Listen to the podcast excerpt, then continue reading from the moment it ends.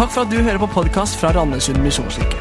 Denne talen er spilt inn på en av våre gudstjenester på søndager klokken 11. Vi håper det du hører, kan være til oppmuntring i hverdagen, og du er hjertelig velkommen til å ta del i vår menighet. Gå inn på mkirken.no eller Randesund misjonskirke på Facebook for mer info. God morgen. Ja vel. Hatt en bedre morgen enn de fleste av dere, hører jeg. Prøv igjen. God morgen. Veldig bra. Den energien der kommer dere til å trenge i dag, for den energien har jeg. Og hvis du ikke har den, så kommer det til å bli veldig lang halvtime for deg. Greia er at denne talen har jeg gledet meg veldig lenge til. Vi er i nummer tre av fire ut ifra at vi er i Nehemjas bok. Og så taler vi over en del av kjernetematikken der. Jarle starta året med 'Hva om Gud vil bruke deg?' Og veldig mange sier hadde det vært på Jæren, så hadde vi sagt nei, det vil han jo ikke. Så det er ferdig med den talen. Men så er det noe av nøkkelen inni der at noen må gjøre noe med det. Og istedenfor å se på alle andre, så kan det jo være meg. Det kan like så gjerne være meg. Hvis Gud kaller meg, så er det kanskje jeg som skal gjøre det. Hvis det er jeg som ser det, så er det kanskje jeg som er kalt til å gjøre det. Samme hvor mye frykt, samme hvor mye det er. Noen må gjøre noe med det. Det kan like gjerne være meg. Del to. Hva om du er en leder? Og igjen på Jæren, det er jeg i hvert fall ikke, så der er jeg i hvert fall ferdig. Og så er jo greia det når du kommer med sånne setninger Det er jo ikke den som er den beste, som nødvendigvis skal utgjøre denne forskjellen, men den som bryr seg mest. Og så blir det sånn Fillen hølle. Der tok du meg, sier de på Jæren da. Det handler ikke om å være best, det handler om å bry seg mest. Og det er et valg òg vi kan ta. Og av og til så får vi bare lagt det på oss. Og i dag så skal vi da snakke om hva om motløshet kan overvinnes. Tenk om din motløshet, det du kjenner på, tenk om det kan overvinnes. Nehemja han er munnskjenk for kong Arthur Sarkses, et veldig kult navn som dessverre ikke brukes for mye av barnefamilier i dag, av Persia. Han hører ifra sin bror om tilstanden i Jerusalem. Murene er nede, og alt er elendig. Og det tenner noe i han, og han får den. Noen må gjøre noe med, med det der. Og det kan like så gjerne være meg. Selv om jeg er munnskjenk, selv om jeg bor i en avstand derifra til hjem som er like langt som Bodø er herifra. Jeg er den. Og han bryr seg utrolig mye, får med seg et brev og begynner å reise for å gjenoppreise denne muren her. Og Det som er helt utrolig, det er at folk blir inspirert av å høre han tale. De bare sånn Wow! La oss gjøre det! Og de går i gang. Dette ser bra ut.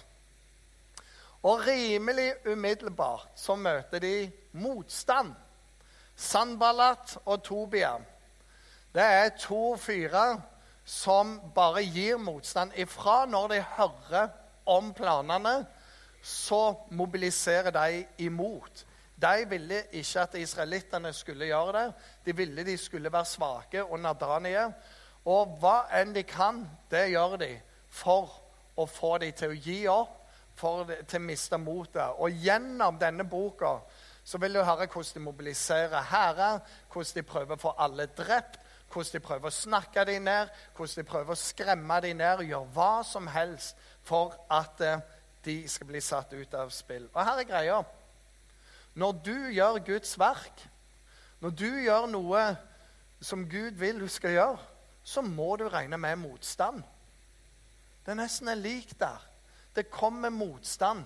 For det er alltid en fiende av Guds verk. Og det er ikke noe menneskelig verk, det er et åndelig verk. Det står at vi har en fiende som er som, brøl, som er som en brølende løve.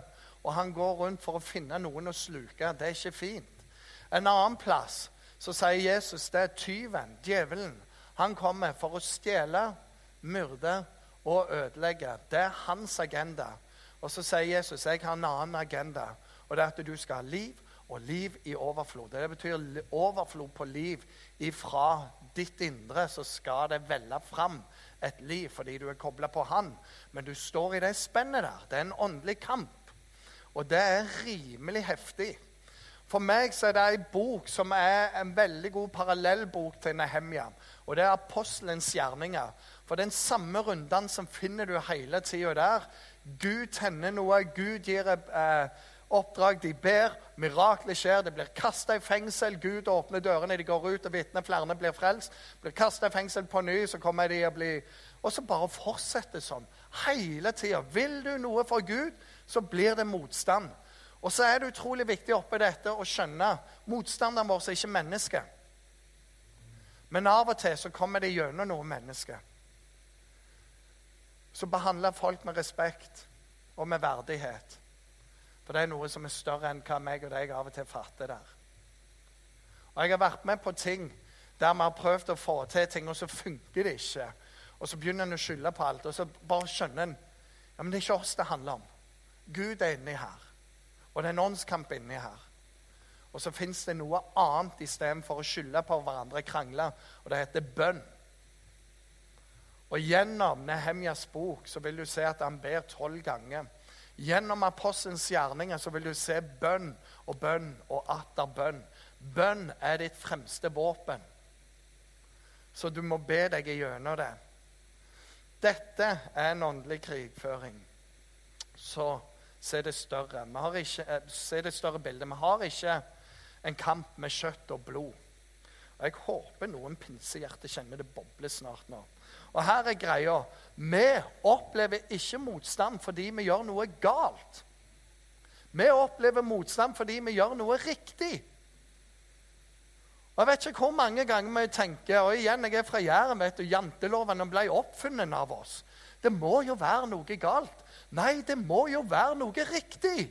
Siden du opplever all den motstanden, all den kampen der. Apostelens gjerninger, kapittel 16.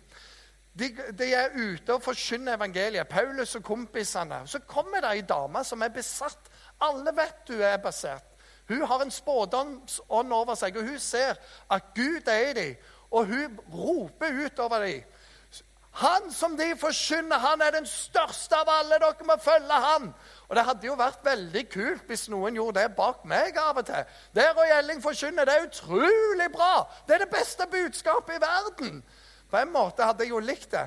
Men når det er hele tida, og hver gang du prøver å forkynne dette budskapet De forkynner! Du, du kommer ikke til ordet sjøl. Så til slutt så klikker det jo for Paulus. Han bare sånn Viker jo av og viker ut av henne, og bom! Så er ånden forsvunnet. Og dama helbreder. Og det burde jo framkalle et sånn Wow! Halleluja! Gud virker! Men istedenfor så er det et par karer der som de tjente penger på henne. Og de fant ut nå kan ikke vi tjene penger på henne, for hun er ikke demonbesatt lenger.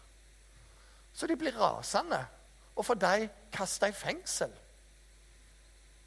De ble kasta i fengsel ikke fordi de hadde gjort noe galt, men fordi de hadde gjort noe riktig.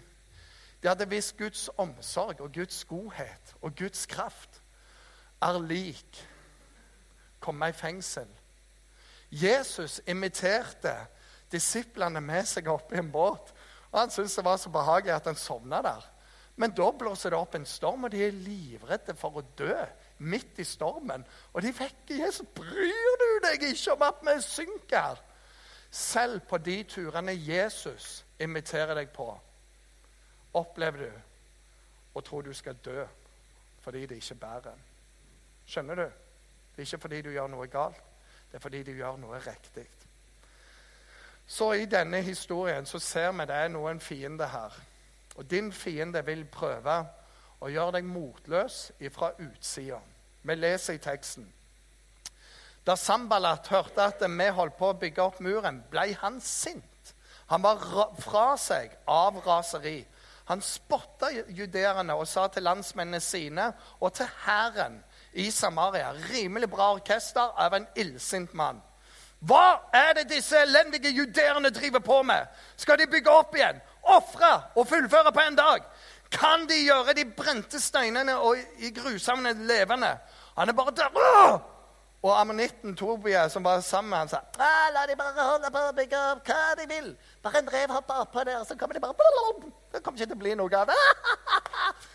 og så holder de på som med dette spillet her. Og her er eh, greia ut ifra de tekstene vi leser her Fra utsida så vil du møte hindre. De legger hindringer for å få deg til å slutte. Og du opplever det. Hos deg så prøver de å sette en krigere. De prøver å drepe dem mens de sover. Så når de skal bygge videre, så må de ha en mørtelskje i ene hånd og spyd i den andre. Litt som bakstrevers, men de må liksom I tilfelle vi skal få se muren, så må vi jo overleve til å se den. Du bestemmer deg for at vår familie Vi skal være en familie med Gud i sentrum. Vi skal begynne å ha familieandakter. Så kommer tenåringen din hjem og sier 'Jeg tror ikke på Gud lenger'. Det er en liten hindring bestemmer seg vet du hva, i år så skal vi fikse økonomien, for vi krangler så mye. Og nå skal vi få skikk på det. Vekk med forbrukslån, få en skikkelig plan. Og det første som skjer etter du har sagt og bedt til Gud, er at hele bilen bryter sammen. En hindring som kommer. Vi skal starte menigheten, går i gang. Og plutselig så har vi ikke et bygg å være i. Henter vi oss i Oslo når vi starta Touchpoint. Hadde et halvt år. Så hadde vi to uker på å finne en ny plass eller legge ned. Hindringer, det kommer hele tida når du prøver å gjøre noe. Den andre tingen, det er kritikk. Det er bare en liten rev. Kom opp, så kommer den ned. Å ja, så du har tenkt å bli fosterhjem, du? Og Se hvordan du klarer det, men så vidt du klarer det med dine egne unger. sant? Og så er det familiemedlemmer som sier det. Bare nagge på deg. Eller hvis du har funnet ut at du skal takke ja til en lønn innenfor Guds rike, og du vet at de lønningene vi har, ikke nødvendigvis like store som superlønninger. Ingen som får kritikk for å ta det valget. Så du gikk ned 300 000 du, for å jobbe i en menighet eller jobbe i en organisasjon. Hva er det du tenker på? Du må jo tenke på deg sjøl. Jeg har planta menighet. Veldig vanlig å høre dette. Er det ikke nok menigheter i byen? Trenger vi virkelig én menighet til? Studentarbeid. Ikke det at jeg har drevet med det i over 25 år. Trenger vi egentlig studentarbeid? Bør ikke de bare gå på gudstjeneste? Vi som er lysets barn, vi blir ofte kalt for mørkemenn. Syns det er fantastisk. Lysets barn er mørke menn. Konservativ blir kalt for bakstreversk. Jesus ble korsfesta for folk ikke likte budskapet hans. Du får kritikk. Så hvis du har tenkt å lede, så må du bli vant til kritikk. Du må bli vant med at det er noen hindringer der. Nehemja, når han får alt dette, vet du hva? Han svarer det ikke, men han gjør to ting. Han ber, og så arbeider han. Og det er hovedstrategien hans hele tida. For han svarer ikke til kritikerne, men han svarer til Gud. Han har ikke noe behov for å komme ned på deres nivå. Han har behov for å høre hva som er på hans nivå. Og så fortsetter han å arbeide. Og om igjen og om igjen så prøver de å få han ned av muren. Ah, kanskje dere sier at Nehemia skal komme ned, for vi må diskutere om det er det beste det han driver på med. Kanskje vi må bør sende et nytt brev til kongen. Det kan jo være noe galt. Og så sier vi kanskje kom ned, så sier han dere får bare være der. Jeg må bygge ferdig. Og så Seinere kommer det andre. Folk er etter deg, Nehemja. De, de, har tenkt å drepe deg. Kom ned og skjul deg inne i tempelet. Så jeg skjuler meg ikke. Jeg har et oppdrag fra Gud, og det skal jeg følge Jeg har en Jesu navn. Men var ikke, Jesus var ikke kommet, men han ville sagt det nå. Ok? Og så fortsetter han. Og det er noe for oss å lære her. Det er at det må mobilisere oss til bønn, og så fortsetter du arbeidet. Fortsett med det. Den andre tingen det er jo at eh, fienden prøver å gjøre deg motløs fra innsida. Det vil alltid være dobbelthet i dette her. Da sa de i Juda, de som bærer, har ikke mer krefter. Det er for mye grus. Vi makter ikke å bygge muren. Og vet du hva? Når du bygger ting for Guds rike sak, så er dette mer regelen enn unntaket. Jeg har vært menighetsrådgiver. Har besøkt 40-50 menigheter. Vet du hva alle sier? Vi har for få ledere. Nei. Vi har litt for dårlig økonomi. Nei. Oppdraget er altfor stort. Nei. Wow. Nytt, sjokkerende. Get used to it and get moving. Og så er greia at det er et Guds under. Han griper inn. Når vi ser på oss sjøl og ser på andre, da får du ikke tro. Du er nødt å feste blikket på Jesus. Hva var det han talte? Hva var det han sa? Fest blikket der. Når du mister fokuset på Gud og Guds muligheter, så ser du med en gang våre begrensninger. Jesus er en dag ute og går på vannet. Alle blir livredde, bare tror det er et spøkelse. Og Det er veldig interessant. Så der, ja, Nok om det. Men så sier Peter hvis det er du, så sier jeg jeg skal komme ut til deg. Kom igjen. Og Så står det at han ser på Jesus, og trør han ut. Og han går på vannet. Men så legger jeg merke til at det blåser, og det er veldige bølger. Alle skjønner jo det at når det blåser og er mye bølger, så går det jo ikke an å gå på vannet. Og så begynner han å drukne der og holder på å synke og roper 'Jesus, redd meg'. Og så tar Jesus han opp. og Jeg har alltid lurt på om Jesus tok han opp, og så gikk det inn, eller om han bare drog han litt eh, opp i båten der. Men clouet i teksten er så lenge han ser på Jesus, så går det bra. Og når han begynner å se på omstendighetene, så begynner det å gå dårlig. Derfor trenger vi denne innsjekken i bønn, i fellesskapet, i Bibelen, for å få Der er det. Mist ikke øyet av Jesus. Motløshet for min del. Det står et bibelvers. Den som snakker mye, synder lett. Klok er Hvorfor ler dere nå? Skjønner jeg ingenting av her. Klok er den som holder tungen i tømme. Og jeg vet ikke hvor mange ganger det bare Og etterpå jeg prøver, og, og det er altfor seint. Og jeg tenker Er det mulig å være en så dust som du er, Roy Elling? Av og til sårer jeg folk. Det er det verste. Og Jeg anerkjenner ordet noe av kjærlighetsspråket mitt. Så når jeg ser jeg sårer andre å, det, det, går så inn på meg sjøl. Du ville ikke trodd det. Og nesten hver gang tenker jeg å, Gud, det er for meg. Kan, kan, du se alle disse andre? De klarer å holde munn, og det står i Bibelen. De kan gjelde så kloke når de holder munn. Ikke bruke dem. Se på alle de som liker å lese. Jeg hater jo å lese. Jeg, jeg gir jo Jarle andre bøker, så jeg leser den og gir meg en rask oppsummering, så jeg kan preke over det. Så jeg kan du ikke bruke alle disse flinke her? Ansgar jeg jobb der, det er jo bare gode folk. Og så har du meg, da. Har en ny idé om et eller annet som helt sikkert ikke funker, og de står der. Og så er det så mange ganger jeg tenker jeg har ikke lyst til dette. Jeg har ikke lyst til å såre folk. Og det er mye føss. Og vet du hva? Hver gang får jeg det samme svaret. For når jeg spør hvorfor kan du ikke bruke de? Fordi jeg spurte deg. Det er liksom det svaret jeg får. Fordi jeg spurte deg, Røyelling, Kan jeg bruke deg? Og da er svaret sjakk matt for meg. For jeg sier, du vet alltid svaret, Gud. Det er 'Her er jeg. Bruk meg'. Det har alltid vært mitt svar. Hele livet mitt. Og derfor Men så sier jeg, ja, men seriøst. Litt, litt klokere kunne du gjort det, Gud. Og sier, Det handler ikke om det jeg spurte deg, og du svarte ja. De andre får svare for sin egen del. Og denne stemmen, som jeg tror mange av oss kan kjenne igjen Hvem tror du du er? Hæ? tror du du er som skal gjøre det der? Du er jo bare én person. Men du kommer jo aldri til å klare å utgjøre en forskjell, du. Alltid vært på den måten med deg. Har det vel ikke? Problemet er jo for stor for deg å fikse. Hvem er det du tror du er? Denne stemmen der. Ikke Guds stemme. Så hvordan kan vi da seire over motløsheten? For det er det vi møter i kapittel 4 og 5 hele tida.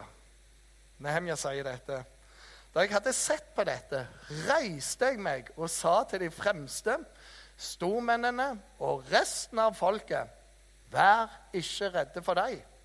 Tenk på Herren, den store og skremmende, og kjemp for brødrene, kjemp for sønnene, kjemp for døtrene, kjemp for kvinnene, og kjemp for hjemmet deres. I Herren Jesu navn igjen. Amen. Så det er to ting. Det første husk på Herren. Tenk på Herren. Og hva tenker en på da? Spol litt tilbake igjen. Husker dere Herren? Han som hadde sett at folket hadde det grusomt, og bruker Moses, sender han inn.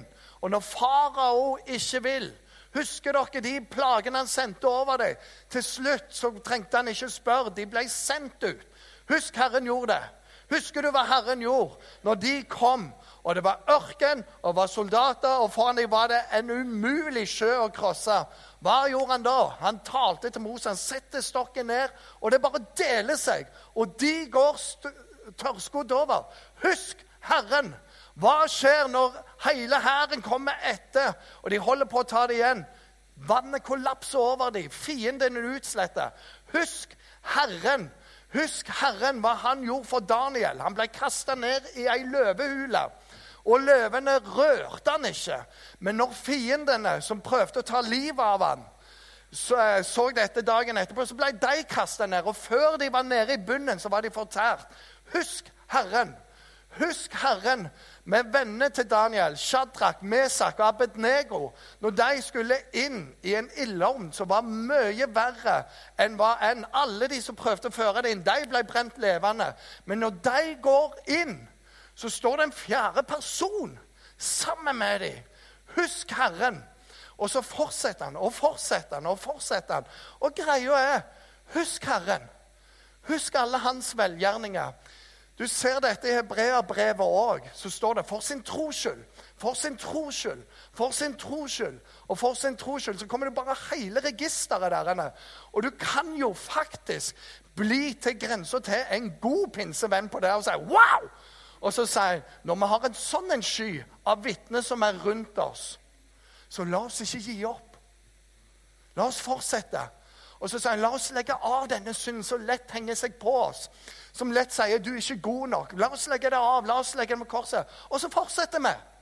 For vi har en sky av vitner rundt oss. Kunne Gud bruke deg, kunne Gud hjelpe deg, så vil han bruke oss.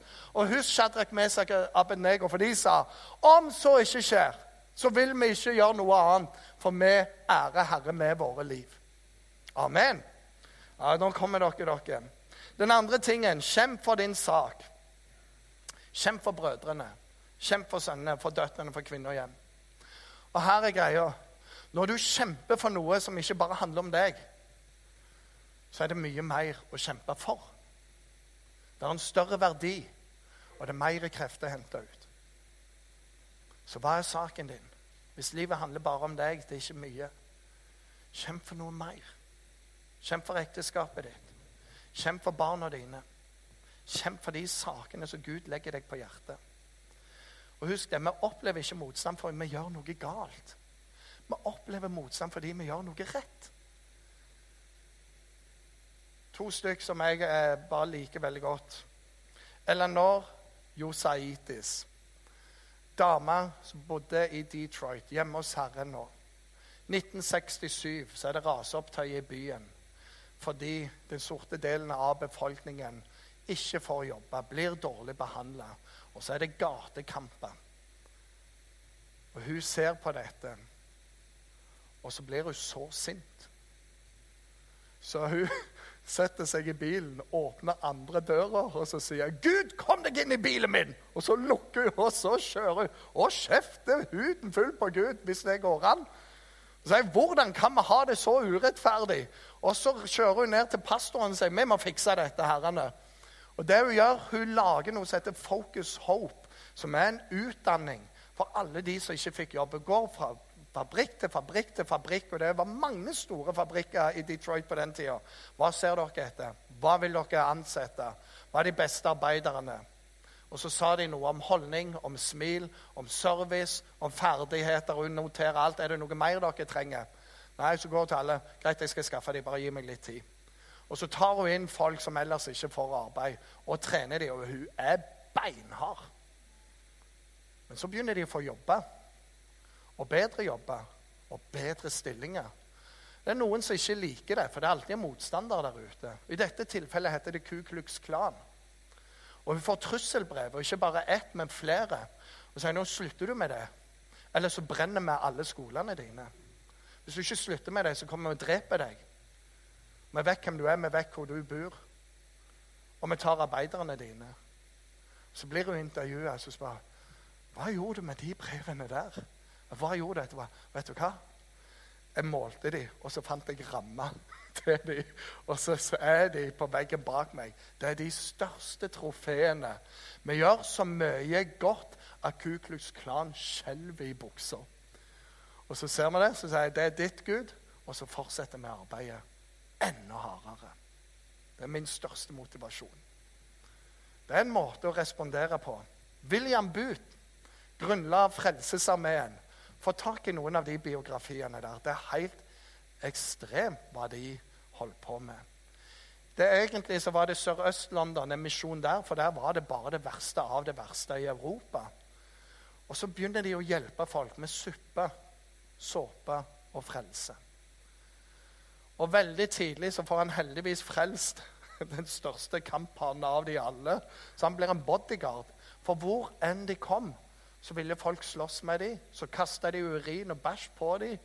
Kasta steiner etter dem. Og i noen tilfeller så skjøt de med kanoner fra skipet etter dem når de så Frelsesarmé-offiserene kom. De fleste som var med, de var i alderen 17, 18, 19, 20 år. Når du ble med, måtte du skrive under på din egen dødsattest. Du hadde ingen rettigheter, ingenting, for du måtte regne med å dø i Herren Jesu navn. Fordi du prøvde å gjøre verden til et bedre sted. Fyrstikker på den tida var en veldig dårlig produksjon. Folk mista fingrene. Så de startet en fabrikk for å få en annen produksjon på det. Og veldig fort så blir det de mest populære fyrstikkene som alle legger om. De legger ned. For de hadde ikke tenkt å tjene penger, de hadde bare tenkt å redde fingre til folk. Og så gjør de det ene etter det andre. Og det er motstand hvor enn de kommer.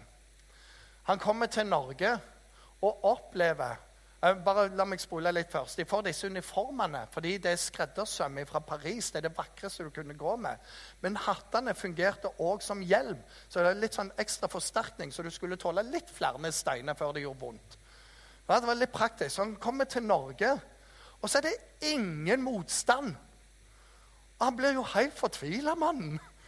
Så han faller ned på kne i en grøftekant og roper, 'Gud, hva har jeg gjort galt?' Jeg heiv på bærtur. Har jeg blitt eh, lunken kristen? Er det synd i mitt liv?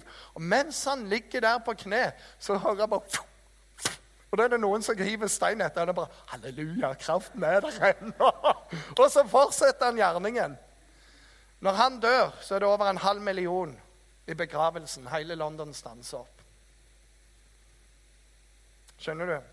Vi opplever ikke motstand fordi vi gjør noe galt. Vi opplever det fordi vi gjør noe rett. Så gi aldri opp. Gi aldri opp når du gjør det gode. Jeg har et bibelvers som jeg tror er til noen. Det står i 2. Timoteus-brevet. Det kommer ikke opp her. Derfor vil jeg minne deg om dette. La Guds nådegave i deg flamme opp på ny. Den du fikk da jeg la hendene på deg. For Gud ga oss ikke en ånd som gjør motløs, men vi fikk en ånd som gir kraft, kjærlighet og visdom. La Guds nådegave flamme opp i deg på ny. Gjennom alt dette bønn er en nøkkel. Det var det for Nehemja, det var det i apostelens gjerninger. Det er det for oss i dag, og det er for deg òg. Og vi vet at de to første talene har truffet veldig for noen av dere. Vi tror denne treffer veldig for noen av dere. Og med dette og med andre ting så er det forbedere som vil be med deg inne. Vi har mulighet til å skrive og tenne lys. Men ikke gå alene. Vi har òg et bønnehefte som du kommer til å få med når du går ut i dag, hvis du vil ha. Bønner gjennom hele året. Gode ting å be for. Jeg vil minne deg om dette. La Guds nådegave i deg flamme opp på ny. For Gud ga deg ikke en ånd som gjør motløs, men en kraft, kjærlighet og sindighet sånn. Du opplever ikke motstand fordi du gjør noe galt. Det er fordi du gjør noe riktig. Himmelske Far, jeg takker deg for du ser oss. Jeg takker deg for tekstene i Nehemia. Det er så utrolig mye å lære. Herre, det var ikke lett, men du var med hele veien, og de fullførte. Og jeg ber for oss Hjelp oss å ikke gi opp. Det står 'Gled deg ikke over meg, min fiende'. Forfaller jeg, så står jeg opp igjen. Vandrer jeg i skyggene, Herre mitt lys. Jeg ber for deg som akkurat nå kjenner seg så nære. Kampene er så vanskelige. Hjelp de, Herre, opp igjen. Hjelp de å fullføre løpet. Jeg ber om det i Jesu Kristi navn. Mens vi er i bønn, så vil jeg bare be alle lukke øynene eller se ned. Fordi akkurat i dag så tror jeg noen kjenner dette mer enn andre og trenger det mer enn andre. Så jeg vil bare spørre, Hvis jeg skal innlemme deg i en enkel bønn, så rekker du opp hånda. Jeg kjenner der. Kjenner meg nede, og jeg trenger det. Gud velsigne deg. Gud velsigne deg. Gud velsigne deg og deg og deg. Gud velsigne deg og deg. Er det andre som vil bli tatt med? Gud velsigne deg og deg og deg og deg. Er det flere som vil bli tatt med i bønn? Du hører du er et godt selskap. Gud signe deg. Gud signe deg og deg. Bare ta hendene ned igjen. Gud velsigne deg. Gud velsigne deg. Bare ta hånda ned igjen. Det er flott. Herre, jeg takker deg for du slokker aldri en rykende veke. Herre, jeg takker deg for du vil fullføre det du har begynt. Takker deg for er vi troløse, så er du trofast. Jeg takker deg for du vil fullføre din gjerning i våre liv. Nå kommer vi til deg med alt det vi bærer av smerte, av hinder, av kritikk, av ytre og indre motstand. Vi legger det på ditt alter, Herre, og vi sier, Herre, hjelp oss. Hjelp oss å fullføre. Ber om det i Jesu navn. Amen. Amen.